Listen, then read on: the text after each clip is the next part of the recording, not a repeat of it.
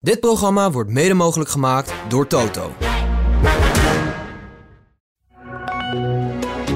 Dit is de AD Voetbal Podcast met Etienne Verhoef. De nieuwe eigenaar van Manchester United. Engeland is verliefd op Bellingham. Zijn de Engelsen de grote favoriet voor het EK volgend jaar? En gaat het Italiaanse gokschandaal ook zijn weg vinden naar de Premier League? Dit is de AD Voetbal Podcast van 19 oktober. We gaan het allemaal doornemen met onze man in Engeland, Geert Langendorf. Um, ja, Geert is genoeg te bespreken natuurlijk. Vandaag even een Engels blokje.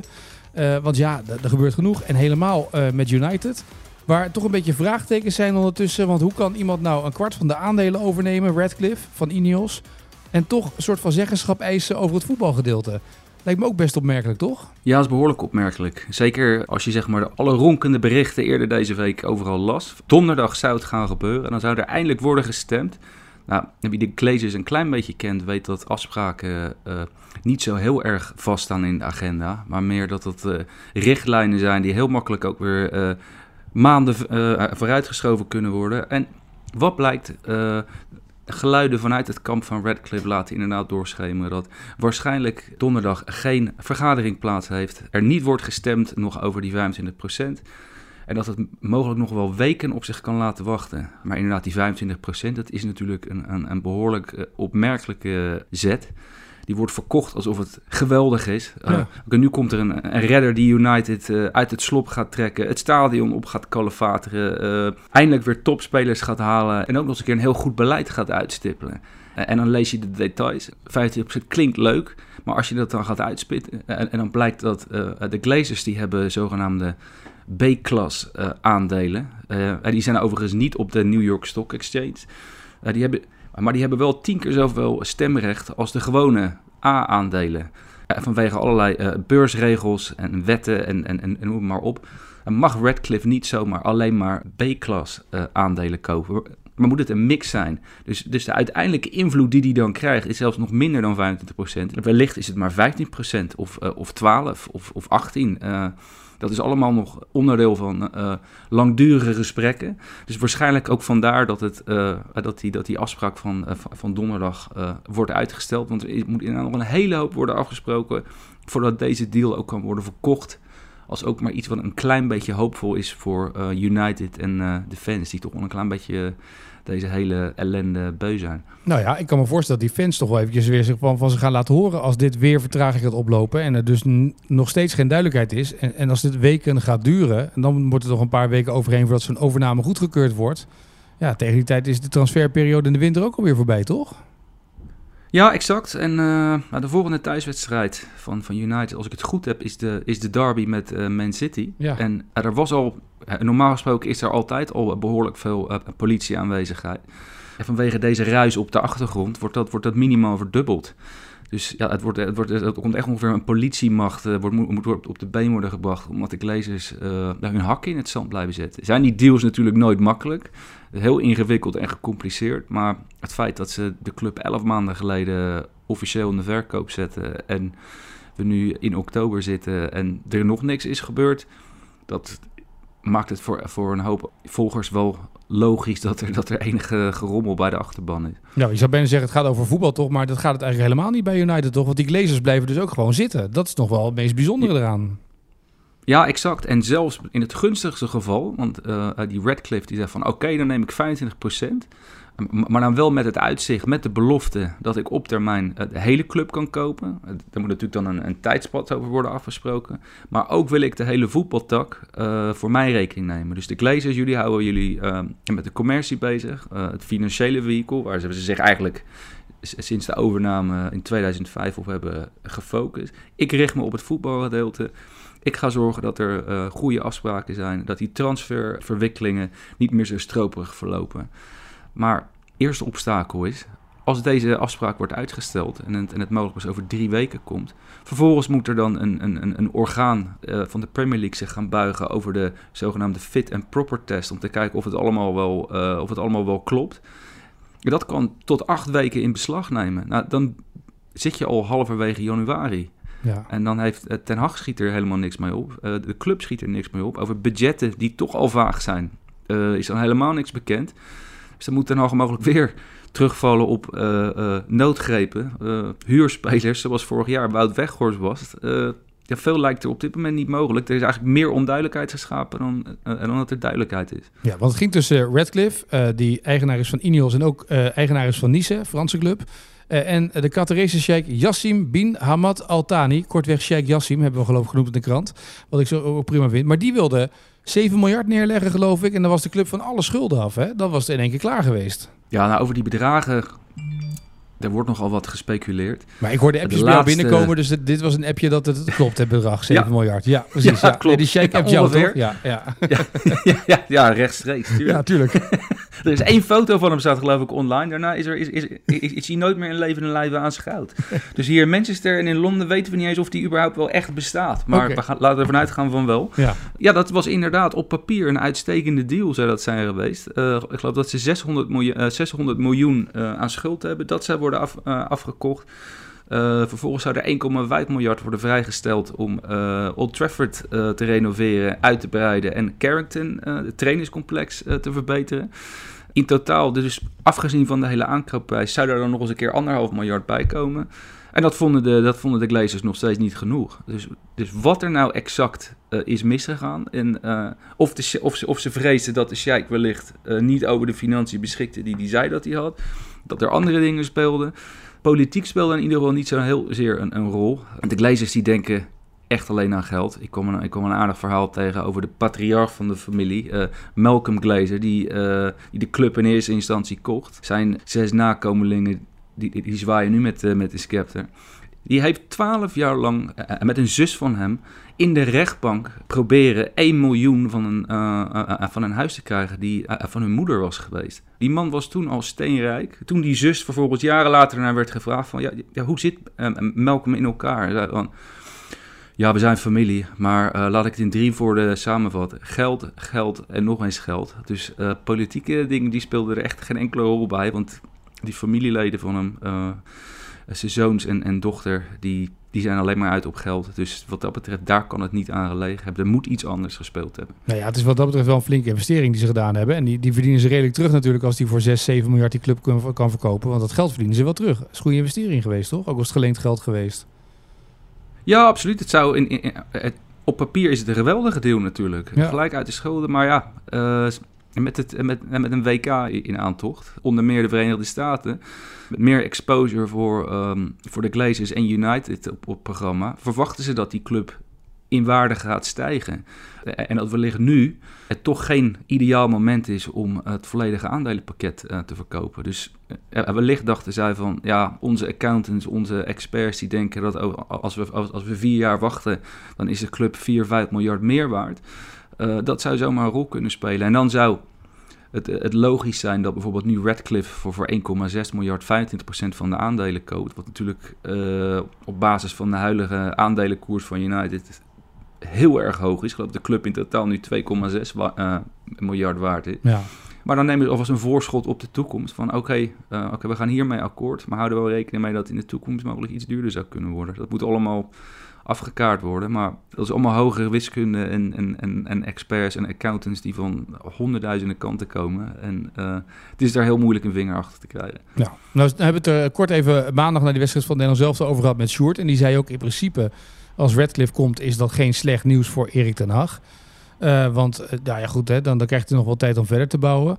Maar Ten Hag moet wel nu wel met resultaten gaan komen. En ondertussen uh, dit hele verhaal ook natuurlijk nog weer een keer gaan, ja, gaan bespreken. En, en over gaan kijken wat er gaat gebeuren met die club.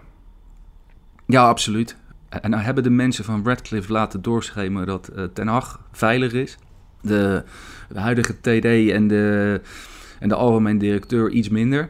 Maar inderdaad, de resultaten moeten wel snel worden, snel worden behaald. Want straks staat, uh, staat het derby tegen City op het programma. Als je daar met 6-0 van verliest, dan kan je heel veel steun krijgen vandaag. Maar dan uh, hebt dat toch wel een klein beetje weg. Ze staan tiende op de ranglijst. Ja. Uh, ja, ze hebben veel blessures. Maar hij heeft ook heel veel geld uitgegeven. Voor half december zal er wel een hele duidelijke stijgende lijn moeten zijn. Ik denk, ga er niet vanuit. United is geen club die snel mensen op straat zet. Solskjaer, Mourinho, dat waren uitzonderingen normaal gesproken laten ze een, coach rustig het seizoen uitzitten. Tenzij er echt hele rare dingen gebeuren.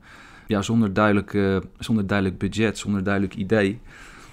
zullen, zullen spelers nu ook zo langzamerhand wel gaan vragen van uh, ja, hoe zit dat club? En misschien nu zaakwaarnemer gaan bellen of, of, of, of, spelers waar ze achteraan zitten van ja, weten jullie überhaupt wel of, of er inderdaad ook gelijkwaardige spelers van mijn niveau komen? Dat is natuurlijk ook belangrijk. Spelers, willen, spelers willen toch in de Champions League spelen. Dat is belangrijker dan, dan tekenen voor, voor United, wat vroeger al een, een eer genoeg was. Dus het brengt allemaal extra problemen met zich mee. Ja, precies. Uh, hoe reageren de Britse kranten? Staat dit allemaal groot in de kranten of valt het mee? Of is het vooral nu Engeland dat met 3-1 gewonnen heeft van Italië wat de kranten siert? Ja, absoluut. Jude Bellingham is, de, is nu de koning. En ergens op een paar pagina's verderop worden, worden de laatste verwikkelingen over United gemeld. Maar Jude Bellingham, ehm, ja, dat is nu de grote ster. En daar draait alles om. de toekomstige aanvoerder van het Engelse team. De beste speler sinds, sinds Gascoigne in 1990. Uh, die toevallig ook op de tribune op Wembley zat trouwens. En eerlijk is eerlijk, hij speelde ook wel fantastisch. En de Engelsen zien hem niet zo heel vaak. anders, dan, anders dan in Nederland kunnen wij niet zo veel Spaanse wedstrijden kijken. dus nu in leven en lijven dat hij dan echt letterlijk de wedstrijd gewoon volledig kantelt. 20 jaar oud. En ja. Ja de lichaamsbouw van Anthony Joshua, hij is echt, ik geloof dat hij bijna 1,90 meter is. Maar gelijktijdig de techniek heeft van, van een Gianfranco Zola. Dus wat dat betreft er is ook wel veel te genieten hoor. Nou, dan... Sola was helemaal gek van hem. Want die, die kwam met deze quote na afloop van die wedstrijd. I have to say, uh, it makes me laugh this Because 20 years old, I was still drinking the milk for my mom. this guy is so, he's so huge. No, I'm very impressed. No, I mean not... not directly. No, it's not in front there. Ja, het is toch bekend is van Gianfranco Zola hij op zijn twintigste nog moedermelk aan het drinken was. Uh, ja. wat, uh, ik snap wat hij ermee bedoelt te zeggen, maar dit was zeg maar Zola die gewoon niet wist waar hij zijn superlatieven moest laten eigenlijk, hè? Nee, en dat is inderdaad, en dat is voor zeker iemand als Zola is dat, is dat best wel bijzonder. Dus natuurlijk toch wel de man die, eh, die Jacob Maradona opvolgde toen hij vertrok bij, uh, bij Napoli. En ook degene die als, uh, toen hij werkzaam was bij Chelsea in, in de technische staf een nieuwe spits compleet voor paal zetten. En door zelf achter de bal te gaan staan. Eerst de voorzetten allemaal op maat te geven. En vervolgens geef ze nu op mij voor. En ze vervolgens ook allemaal weer afronden. En die spits die bleek er in zijn ogen geen hout van te kunnen. Terwijl er geloof daar miljoenen voor uitgegeven. Als Gianfranco Zola dit zegt, dan, dan, dan zegt dat inderdaad wel heel veel hoor. Ja. Nou ja, en het feit dat, dat Engeland zo verliefd op is op, op Bellingham, dat is wel logisch. Want ja, die, die, je zegt dat we zien het Spaanse voetbal niet allemaal in Engeland. Maar ja, er is één ding. Ze willen hem het liefst in de Premier League zien. Maar daar is Bellingham heel duidelijk over. Dat hij bij Madrid blijft de komende jaren. Obviously, like I've said since I've arrived, it's a club that I want to be at for the next 10, 15 years of my life. And you know, I love the club. We do want to see you in the Premier League. Yeah, I know. Yeah, you might have to. They can have you for five or yeah, six. We'll see. we'll see. Ergens vind ik het ook wel mooi dat er dus een voetballer is die zo goed is. En die dus gewoon zegt, ja, weet je, de Premier League hartstikke leuk. En misschien dat ik daar heel veel geld kan verdienen en veel meer geld kan verdienen. Maar ik wil gewoon bij Real Madrid blijven. Dat is mijn club. Ja, absoluut. En hij heeft in, in, in, in Carlo Ancelotti heeft hij ook iemand gevonden die hem uh, wat dat betreft heel goed stuurt. En precies de, de juiste brokjes meegeeft. En precies uh, dingen bijbrengt die hij graag wil leren. Want het is natuurlijk een super talent.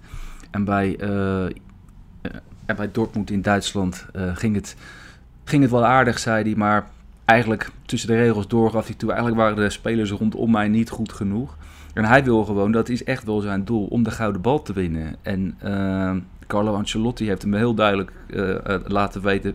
jij bent voor mij echt een, een heel belangrijk puzzelstukje. Niet, en niet alleen voor nu, ook als ik weg ben. Jij bent de toekomst van Madrid. En doe wat ik zeg. En alles komt vanzelf. En, en, en, dat heeft hij ook gelijk laten zien in Madrid. Ik geloof dat hij in acht wedstrijden acht keer al heeft gescoord oefenwedstrijden meegeteld in, tijdens de voorbereiding, ik geloof zelfs tien. Waarmee hij voor mij het record van, van Cristiano Ronaldo evenaarde. Dus hij is inderdaad wel aardig bezig. En, en vergelijk daar dan ook eens bij dat juist in Spanje, waar de Engelsen niet zoveel zien, al die tabloids niet, en niet op continu in zijn nek hijgen. En niet alle pundits een, een mening over me hebben. Ze zien hem eigenlijk alleen in het Engelse shirt. Dus wat dat betreft, hij zit daar perfect. Ja. Nou ja, uh, voor de gouden bal hebben we dan een aardig rijtje straks. Hè? Mbappé, Bellingham, Haaland. Dat is op zich wel aardig. Uh, de, de, toekomst van het voetbal is redelijk verzekerd zo, hè? Ja, absoluut. En met een klein beetje geluk uh, er komt Mbappé ook nog wel eens een keertje richting Madrid. Krijg je ook nog wel een aardige, aardige ploeggenoot erbij. Dus uh, ja, de toekomst ziet er goed uit. En ook, en ook voor Engeland natuurlijk. Want dit was echt een speler die ze jarenlang misten. Want, allemaal ging het wel aardig, maar dan missen ze net die klasse op, op het middenveld. Net die spierkracht, net die, net die finesse die uh, Italië bijvoorbeeld vroeger wel had. Maar ook Nederland bijvoorbeeld. Ja, wij hadden Rijkaard, wij hadden, uh, hebben Gullit gehad die op alle posities kon spelen noem het maar op. Snijder. En een echte middenveld. Dat soort jongens, ja. Precies, ja, ja, Snijder, ja. precies. Jongens die echt een wedstrijd... Eh, en hier in Engeland vergelijken ze hem natuurlijk al gelijk met Socrates, omdat hij, omdat hij sierlijk is en, en lang. De, ja. de beroemde Braziliaanse voetballer. Uh, voornamelijk bekend van het WK in, in 82 natuurlijk. Deze jongen heeft vooralsnog uh, uh, de toekomst in handen. En hij heeft niet de Engelse ziekte, is dat hij niet, zoals bijvoorbeeld Foden af en toe nog wel eens doet, of Jadon Sancho in ene keer toch de kroeg leuker vindt dan het trainingsveld. Daar heeft hij helemaal geen last van. Zeer intelligente ouders die hem uh, continu met twee benen op de, op de grond houden. Ja, wat dat betreft een, een heel on-Engelse speler eigenlijk. Ja, maar goed, die Engelsen natuurlijk hebben dan nu eh, Harry Kane in de spits lopen, Bellingham erachter. Ja, die denken nu onderhand, we zijn favoriet voor dat EK, hè? we verslaan Italië, dus waarom niet? Is het zo? Zijn ze de grote favoriet aan het worden nu? Ze maken in ieder geval wel een, een grotere kans. De verloren EK-finale van, uh, van twee jaar geleden. Toen speelde Gareth Southgate nog met vijf verdedigers. Wat eigenlijk, eigenlijk pas toen ze dat anders gingen doen, maakten ze een kans om, om die wedstrijd om te draaien. Maar, dat, ja, maar hij durfde toch niet door te pakken. Nee. Toen verloren ze uiteindelijk via, via strafschoppen. Maar het was echt een gebrek aan, aan, aan vertrouwen in, in de aanvallende kwaliteiten van, uh, van de ploeg. Nu speelt hij anders. Speelt hij 4-2-3-1. Met dan uh, Bellingham op 10. Een, een echte ouderwetse tienerrol. En al die talenten die er nu ook bij komen, uh, voornamelijk ook achterin, want dat was de zwakke plek en is nog steeds wel een klein beetje een, een, een, een, een, een probleemlinie. Mm -hmm. Maguire speelde bijvoorbeeld gisteren. Nou, die speelt niet zoveel bij United en daar is ook wel een reden voor. Maar op de achtergrond staat Mark Gay van Crystal Palace. En dat is een, een, een talent die ja, eigenlijk al geen talent meer mag noemen. Volgens mij is hij zelfs nu ook aanvoerder bij, uh, bij Palace. Dat is echt een, uh, een heel groot talent en, en veel technischer veel meer klaar voor het moderne voetbal. Heel goed aan de bal. John Stones, als die fit is, ja. uh, blijft nog steeds de beste centrale verdediger van Engeland. En ze hebben op linksback hebben ze, geloof ik, drie kandidaten. En op rechts is het, is, is, is, is het helemaal perfect. Zeker als Reece James van, uh, van Chelsea uh, ook weer eens fit is. Dus en dan hebben ze Saka voorin rondlopen ook nog. Die, die vorig jaar, totdat Arsenal een klein beetje implodeerde aan het einde van het seizoen op koers lag om speler van het jaar te worden. Het werd natuurlijk Haaland omdat hij zoveel scoorde. Saka was lange tijd veruit de beste speler in de Premier League. Ja. Dus eerlijk is eerlijk, ze maken wel een hele grote kans. Als je, als je, als je het mij vraagt, zitten ze in ieder geval zitten ze met Frankrijk in een, in een vrij select groepje van, uh, van, van kanshebbers. Ja, precies. En dan nog even, uh, we hebben het gisteren gehad uitgebreid over dat Italiaanse gokschandaal. Hè? Uh, waar natuurlijk ook spelers bij betrokken zijn in de Premier League. Gaat het langzamerhand zijn weg vinden naar de Premier League? Want ik vrees dan ook altijd als Italianen elkaar aanbevelen om te gaan gokken op een illegale site. Dan doen ze dat niet alleen bij de Italiaanse ploeg, maar dan zeg je dat ook natuurlijk tegen je ploeggenoten. Dus Tonali zal dat toch niet voor zichzelf hebben gehouden. En misschien wel gedeeld hebben met zijn ploeggenoten bij Newcastle, of niet? Dat zou zomaar kunnen, inderdaad. In ieder geval was, uh, was de zaakwaarnemer, die was al een uh, zogenaamd damage control aan het doen hier op de ambassade. Voor de wedstrijd Italië-Engeland was er kennelijk een, een, een, een, een lunch om, zoals dat, zoals dat heet. Een, een, een chique samenkomst van, van, alle, van allemaal notabelen. En dat was de zaakwaarnemer van, van Tonali ook. En die, en, die gaf toen op vrij dramatische, theatrale wijze weer van... Ja, hij is ziek. Hij heeft... Uh, hij, heeft, hij is gokverslaafd. Ik ben blij dat hij nu geholpen wordt. Ik ben blij dat hij gepakt wordt. En uh, met andere woorden van... geef, hem, geef hem min of meer een taakstraf. Daar komt het eigenlijk op neer. Laat hem lekker in, in, een, in een afkikkliniek verplicht zitten. En dan, en, en dan is de straf maar zeven maanden in plaats van, ik geloof dat het, max, wat is het maximum? Twee, drie jaar. Ja, drie jaar geloof ik volgens mij. Ja, ja precies. Ja. Maar ja, ik denk dat ze hier in Engeland inmiddels ook wel hun, hun, hun hart vast zullen houden. Want Ivan Tony bij Brentford bijvoorbeeld, die zit momenteel een, een, een straf uit. Die lag op koers om ja, om met Engeland uh, eigenlijk van. Uh, die had zonder twijfel gisteren ook wel gespeeld tegen, uh, tegen Italië vanaf de bank. grote clubs zaten achter hem aan. Maar die had ook een ontzettende waslijst aan, gokincidenten. En niet zomaar één of twee, maar ik geloof dat het tot in de 300 zelfs wel liep. Hetzelfde excuus gebruikt. Ja, gokverslaafd. Ga naar een kliniek, geef een paar clinics. En in januari ben je er weer bij.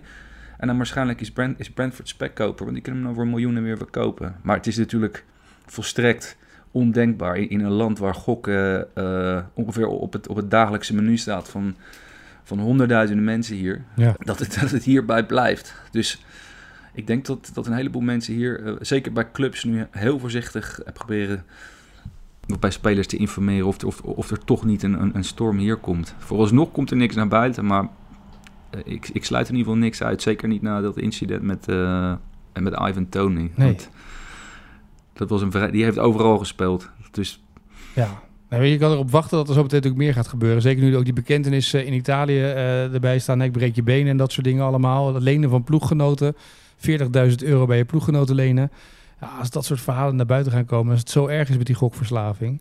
Ja, dan kan het, ja, in, inderdaad. dan kan het in Engeland niet lang meer duren. Nou, er is hier ook tijdens COVID is er behoorlijk veel gebeurd Ja. hoor. Tij- Tijdens COVID kwam er heel veel naar buiten van spelers die in één keer online heel veel gingen gokken. En eh, de Premier League heeft toen ook eh, eh, afgesproken dat er, ik geloof vanaf 2026, geen goksites ook meer op shirts mogen. Ze zijn actief bezig om, om, om ook via de PFA, de, Spelersvakbond, spelers voor te lichten over de gevaren van gokken. Intern gebeurt er bij clubs heel veel. Alles is in, in, dat opzicht ge- ge- ge- geprofessionaliseerd. Eh, de voelspriet is eruit. Maar je kan niet altijd natuurlijk eh, zien wat, wat spelers in hun vrije tijd doen. En zeker niet wat er, wat er tijdens COVID natuurlijk gebeurde achter, eh, achter gesloten deuren. Nee, zeker niet. Goed, dan gaan we tot slot, Geert, naar onze dagelijkse rubriek. Eh, en zoals je weet is dat natuurlijk de vraag van vandaag. Hè? De vraag van vandaag. En dit was de vraag van gisteren eh, van eh Mikos. En die gaat over Utrecht-Ajax. En ik denk, even rekening houdend met jouw tijd in Engeland en ook in Nederland, dat je deze wel eens zou kunnen weten. Het was de beroemde 6-4 toen, dat Utrecht won met 6-4 van Ajax. Utrecht maakte zes goals, hè, die wedstrijd. Ehm, als je Anouar Kali ziet als een speler die voor Marokko zou moeten uitkomen of kunnen uitkomen, eh, om, het even makkelijk te maken, dan was er maar één speler, een, Nederlands, een, een, eh, speler die in het Nederlands elftal zou kunnen spelen. Dat heeft hij nooit gedaan hoor, en jij kent hem goed. Die die wedstrijd scoorde. Dus de, de rest waren het allemaal spelers van buitenlandse afkomst. En Kali reken ik daar dan even bij, zonder dat het meteen een rel moet zijn. Mhm. Omdat eh, hij is in Nederland geboren, noem alles maar op. Maar volgens mij had hij voor Marokko willen spelen, of heeft hij dat zelfs ook voor de, voor de jeugdhelftallen. Maar daar gaat het even niet om. Er was één duidelijke Nederlandse speler die in die wedstrijd eh, ook scoorde. Wie was dat? De rest van de goals werd gemaakt door buitenlandse spelers. En daar rekenen we Kali dan even bij. Ja, de vraag is, weet jij wie die, eh, die, die kaaskop was die scoorde in die wedstrijd? Maar ik zat in het stadion. Ik Oh, kan echt? me nog herinneren. Dat was, dat was volgens mij een van mijn eerste wedstrijden voor de, voor de GPD-krant eh, toen. Ik was toen eh, ik was Ajax-volger voor hen. Eh, net, eh, ik, ik, voor mij echt, echt mijn tweede week bij, de, bij die kranten. En een behoorlijk gedoe met parkeren, dat weet ik nog wel, want ik kon het niet vinden. Uh-huh. Maar eh het scoren is me wel blij bij bestaan. En, en als ik het goed heb, is het Daan Bovenberg. Maar ik kan het, ik kan het ook missen. Nee, dat had je helemaal goed. Het was inderdaad Daan Bovenberg. Eh, dat was het antwoord inderdaad. Eh, de algemeen directeur van Excelsior, zoals Brian Noord zegt op, op X. En ook Jasper Clash wist het. Dat was natuurlijk makkelijk. Daan Bovenberg, de meest sierlijke rechtsback. Eh, die eh, toen nog furoren maakte op de rechterflank. Hè. Dus eh, dat was eigenlijk. dat waren de antwoorden, waren de eervolle vermeldingen. Maar dat was inderdaad Daan Bovenberg. Dus uitstekend uit het collectieve ge- eh, geheugen gepulkt, deze Geert.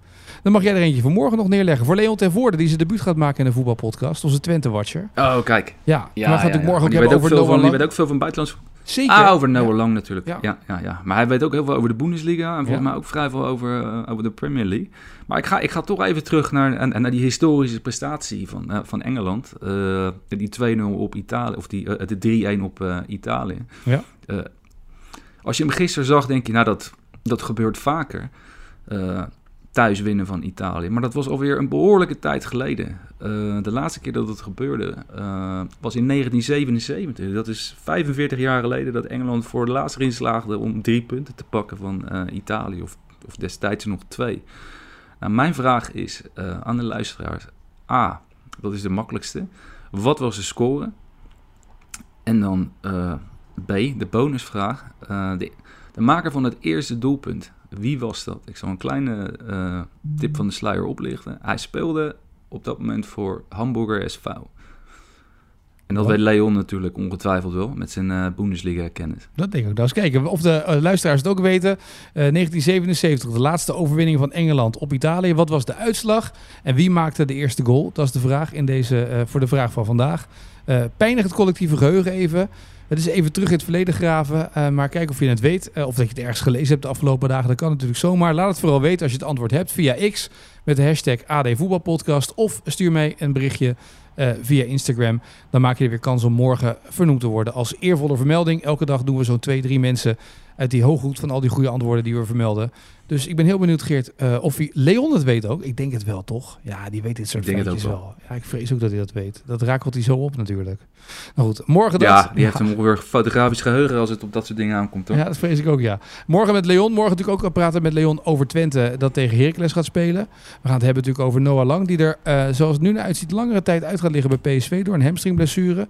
Liep hij op tegen Sparta. Maar eh, wat gaat dat betekenen voor de titelrace in de eredivisie? Met belangrijke wedstrijden voor PSV ook op komst. En alle andere actuele zaken gaan we morgen doornemen eh, met eh, Leon in de AD Voetbal Podcast. Geert, ik wens je een mooie dag. En ik denk dat ook heel veel ehm, Ajax-fans vandaag gespannen het nieuws in de gaten gaan houden trouwens. Bedacht ik mij nog. Want nu wij Ja. zo praten en de mensen de podcast aan het luisteren zijn, kan het zomaar zijn dat Louis en Michael nu samen in de auto op weg zijn naar Alkmaar om met Robert Eenhoorn te praten. En, en dat, dat Robert Eenhoorn dan zegt, nou Louis, hè, omdat jij zoveel betekent voor AZ bij deze, wij geven onze directeur internationale voetbalzaken even wat eerder vrij zodat eh, eh, hij toch bij Ajax kan beginnen op 1 januari. Het zou zomaar kunnen. Hè? Vandaag is toch een dag waar veel Ajaxiden denken... hebben we zometeen weer een algemeen directeur, ja of nee? Dat is toch eh, een dagje. Hè? Dat is toch, is, wel, is, is toch wel speciaal inderdaad, ja. Ja, En met de magie van Louis kan dat natuurlijk eigenlijk niet mislopen. de magie van Louis. Mij had hij ook zijn eigen menu daar, hè? Ja. Op, bij AZ. Dus wat dat betreft, dat kan haast niet, eh, dat kan haast niet mislopen. Precies. Nou, dat eh vandaar. Morgen ongetwijfeld in de voetbalpodcast. Dankjewel voor nu, Geert. En ik wens je een mooie dag. Dit programma werd mede mogelijk gemaakt door Toto.